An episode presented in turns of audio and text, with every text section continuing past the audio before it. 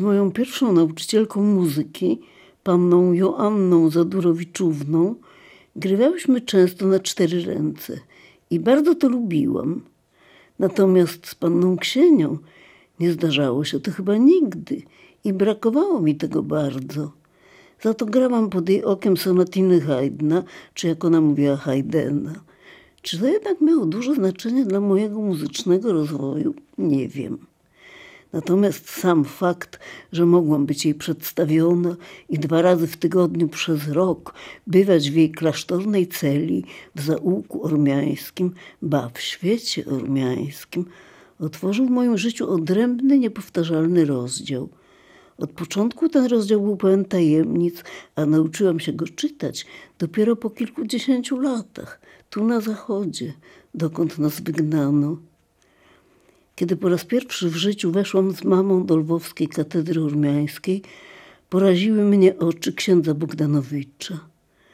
To naturalnie skrót, przecież nie miałam pojęcia o księdzu Bogdanowiczu, ani o świętym Odilonie, ani o Janie Henryku Rozenie, który namalował pogrzeb świętego Odilona, tego sprzed dziewięciu wieków świętego opata z Cluny, wraz z towarzyszącym mu orszakiem żywych i umarłych i umieścił to malowidło na wewnętrznej ścianie świątyni naprzeciw wejścia. Ale każdy chyba, kto wchodzi tam nieprzygotowany, po raz pierwszy staje jak wryty, ujrzawszy na marach postać w mitrze i ozdobnym ornacie, niesioną przez czarno i powłóczyście ubranych mnichów, z których pierwszy idzie z oczami przymkniętymi w zamyśleniu czy modlitwie – Trzeci ma oblicze ukryte pod kapturem, a tylko ten jeden, środkowy, z otwartą twarzą, patrzy płonącymi oczyma na zjawę, która postępuje tuż za nim z zapaloną świecą.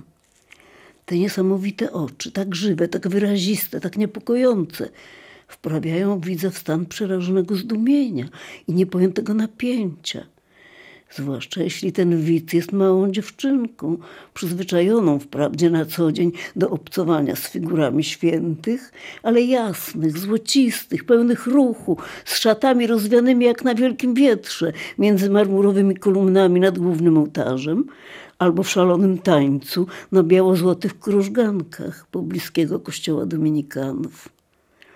Więc w osłupieniu wypuszczam dłoń mamy, i czym prędzej wydostaje się na dziedziniec, na słońce, pod arkady, na rozgrzane kamienie pełne tajemniczych znaków, których się u swojskich dominikanów nie zobaczy. Ale i tak w nocy nawiedza mnie we śnie czarny orszak, który jednocześnie fascynuje i przeraża.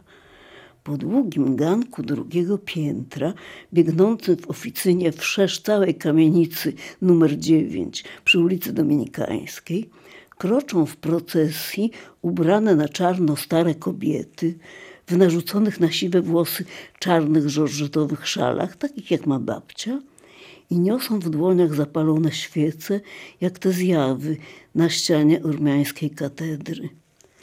Oglądam to z wysokości maminego zgiętego przedramienia, na którym siedzę z twarzą zwróconą w kierunku przeciwnym niż postępuje procesja, ale czarny orszak zaczyna się tuż za plecami mamy, także te surowe twarze widzę wyraźnie i słyszę dokładnie śpiewany tekst litanii.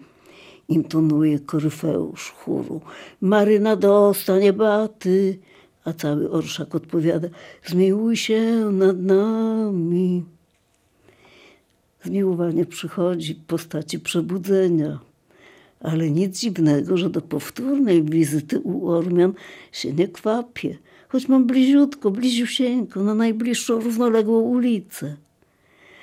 A potem po dziesiątkach lat się okaże, ile przez ten strach bezpowrotnie straciłam okazji do oglądania rzeczy i poznania faktów, o których potem czytać tylko będę w książkach i oglądać ich cudem niemal ocalałe resztki na wystawach, kiedy po burzach dziejowych i po upadku komunizmu polscy Ormianie zaczną odbudowywać swoją utraconą i prawie zapomnianą tożsamość. A ja rozpocznę próby rekonstruowania porwanych wątków moich osobistych kontaktów z ich lwowskim środowiskiem, kontaktów nie zawsze nawet wówczas uświadamianych jako tak szczególne. Przecież nawet nie wiedziałam, że panna Joanna Zadurowiczówna jest Ormianką. Nie miałam o tym pojęcia. Niebieskooka, ciemna blondynka była przecież zupełnie niepodobna do czarnowłosego księdza Bogdanowicza o płomiennym wzroku ale gdy wyjeżdżając w 1945 roku na zachód przekazuje mnie swojej byłej profesorce, sprawia, że dwa razy w tygodniu zaczynam bywać w klasztorze panien benedyktynek rumiańskich, tuż obok rumiańskiej katedry i wchodzę w nowe dla mnie światy. I ten fakt po dziesiątkach lat staje się moim glejtem, moją kartą wstępu do środowiska ormiańskiego we Wrocławiu a także intrygującym fragmentem mego własnego życiorysu, splecionego z tamtym ginącym światem, z jego ostatnimi znaczącymi reprezentantami. O tym, że Zadurowicze byli Ormianami, dowiedziałam się dopiero w roku 2011 w Muzeum Etnograficznym w Wrocławiu na wystawie zatytułowanej Z widokiem na Ararat. Poznaję wtedy także jej autorki, potomkinie polskich Ormian z Pokucia, panie Monikę z Agopsowiczów, mieszkającą w Warszawie i Romanę z Manugiewiczów, Obrodzką, urodzoną i mieszkającą w Obornikach Śląskich. I to jest dla mnie fakt przełomowy. Wchodzę w środowisko, poznaję coraz więcej osób z różnych pokoleń. Jestem zapraszana na spotkania, imprezy, i msze święte urmiańsko-katolickie – w roku 2013 uczestniczę w uroczystościach 650-lecia katedry ormiańskiej w Lwowie. Otrzymuję i czytuję czasopismo ormiańskie Avedis, czyli posłaniec niosący dobrą nowinę. A w roku 2017 zostaję nawet poproszona o tekst. Zapytała mnie kiedyś pani Monika Agopsowicz, czy panna Ksieni była surową nauczycielką. Zaskoczyło mnie to pytanie i nie umiałam na nie odpowiedzieć. Zdałam sobie sprawę, że osiemdziesięcioletnia mniszka nie rozpieszczała mnie rozmowami. Kiedyś przyszła mi nawet do głowy myśl barbarzyńska. Czy ona w ogóle dobrze słyszała, co ja gram i jak ja gram? A to jej słynne duszeczko nie graj łokciami było tak sugestywne i zastanawiające, że przyćmiło wszystko inne. Właściwie stwierdziłam, iż panna Ksieni stała się dla mnie autorką jednego zdania. No, ale to było zdanie kamienne, o sile aforyzmu. Zresztą, jeżeli chodzi o zdania panny Ksieni, to z punktu widzenia składni były imponujące, nieskazitelne, zbudowane według wzorców składni klasycznej. Skąd je znam? Bo czytałam fragmenty jej korespondencji z samym arcybiskupem metropolitą ormiańskim Józefem Teodorowiczem, któremu jej zakon podlegał. Każdy list panny Ksieni kończy się zwrotem upadam do nóg waszej ekscelencji, niegodna i tu następuje podpis. Zrozumiałam tę uniżoność dopiero dzięki przeczytanemu w Awedisie artykułowi profesora Andrzeja Zięby, jednego z najwybitniejszych polskich armenologów, pracującego w Krakowie w Katedrze Etnologii i Antropologii Kulturowej Uniwersytetu Jagiellońskiego. Losy Armenii, pisał profesor, poprzez stulecia podbijanej przez kolejne hordy najeźdźców wrogich chrześcijaństwu, sprawiły, że aby zapewnić bezpieczeństwo mniszkom wystawionym na brutalne ataki niewiernych, trzeba było ukryć je w prywatności, po domach rodzinnych, czyli zrezygnować z osobnych klasztorów wznoszonych starożytności. Tak też było początkowo wśród Ormian polskich, w Kamieńcu Podolskim, w Jazłowcu, w Lwowie, choć tu niebezpieczeństwo pogromów i gwałtów już nie było aż tak groźne jak na wschodzie. Ideę wspólnoty organizowanej przez same kobiety niełatwo było też pogodzić z zasadą męskiej dominacji w życiu rodzinnym, obowiązującą wobec ormiańskich imigrantów w stopniu nieporównywalnie wyższym niż to było w społeczeństwie staropolskim. Wraz z integracją społeczną, a zwłaszcza po Unii Kościoła Ormian Polskich z katolickim, rozpoczęła się ich zmiana mentalna. Dzięki niej od końca XVII wieku w Lwowie powstawała zwolna wspólnota mniszek ormiańskich nowego modelu, mieszkającego we własnym klasztorze, kierujących się regułą świętego Benedykta, niezależnych od starszych gminy ormiańskiej, autonomicznych pod ogólną zwierzchnością biskupa, z kobietą jako przełożoną. Pierwszą z nich była Rypsyma Spędowska, jako panna starsza, a pierwszą, która otrzymała tytuł ksieni, była Marianna Nersesowiczówna, święcona 6 lutego 1701 roku przez swego bliskiego krewnego, biskupa Deodata Nersesowicza. Jak cytuje profesor Zięba z kroniki klasztornej, święcona była w katedralnym kościele z wielkim nabożeństwem i jak pisze dalej profesor, Najbardziej widowiskowym momentem ceremonii było wręczenie pastorału, baculus pastoralis, czyli kija pasterskiego, atrybutu biskupów, opatów, archimandrytów i infułatów. Chyba po raz pierwszy w całej historii wszystkich Ormian otrzymała go wtedy kobieta. Tak pisze jeden z najwybitniejszych harmonologów polskich, profesor Andrzej Zięba. Oczywiście bakulus panny Ksieni nie był to zwykły kij, ale laska ogromna, srebrna, pozłacana. Z tym pastorałem ksienie były uwieczniane na płótnie.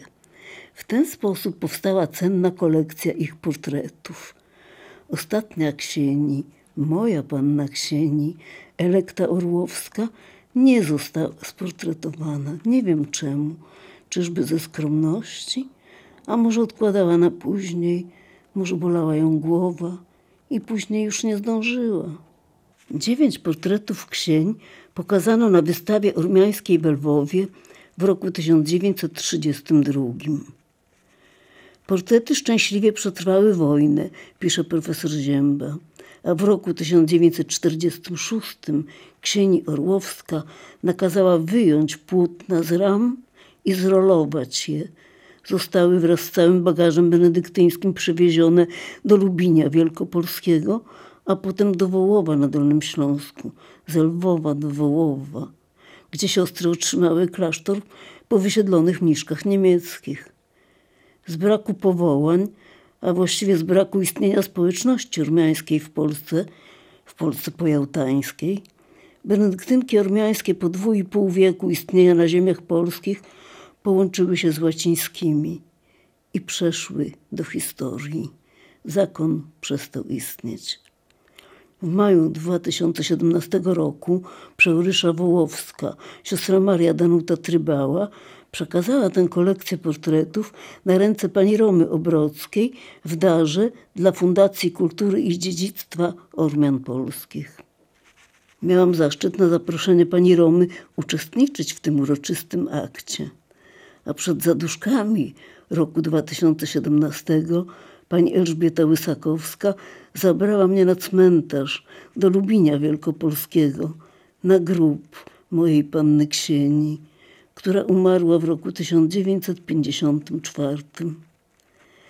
Matka Elekta Orłowska była ostatnią ksienią benedyktynek ormiańskich w Polsce, a ja jej ostatnią uczennicą.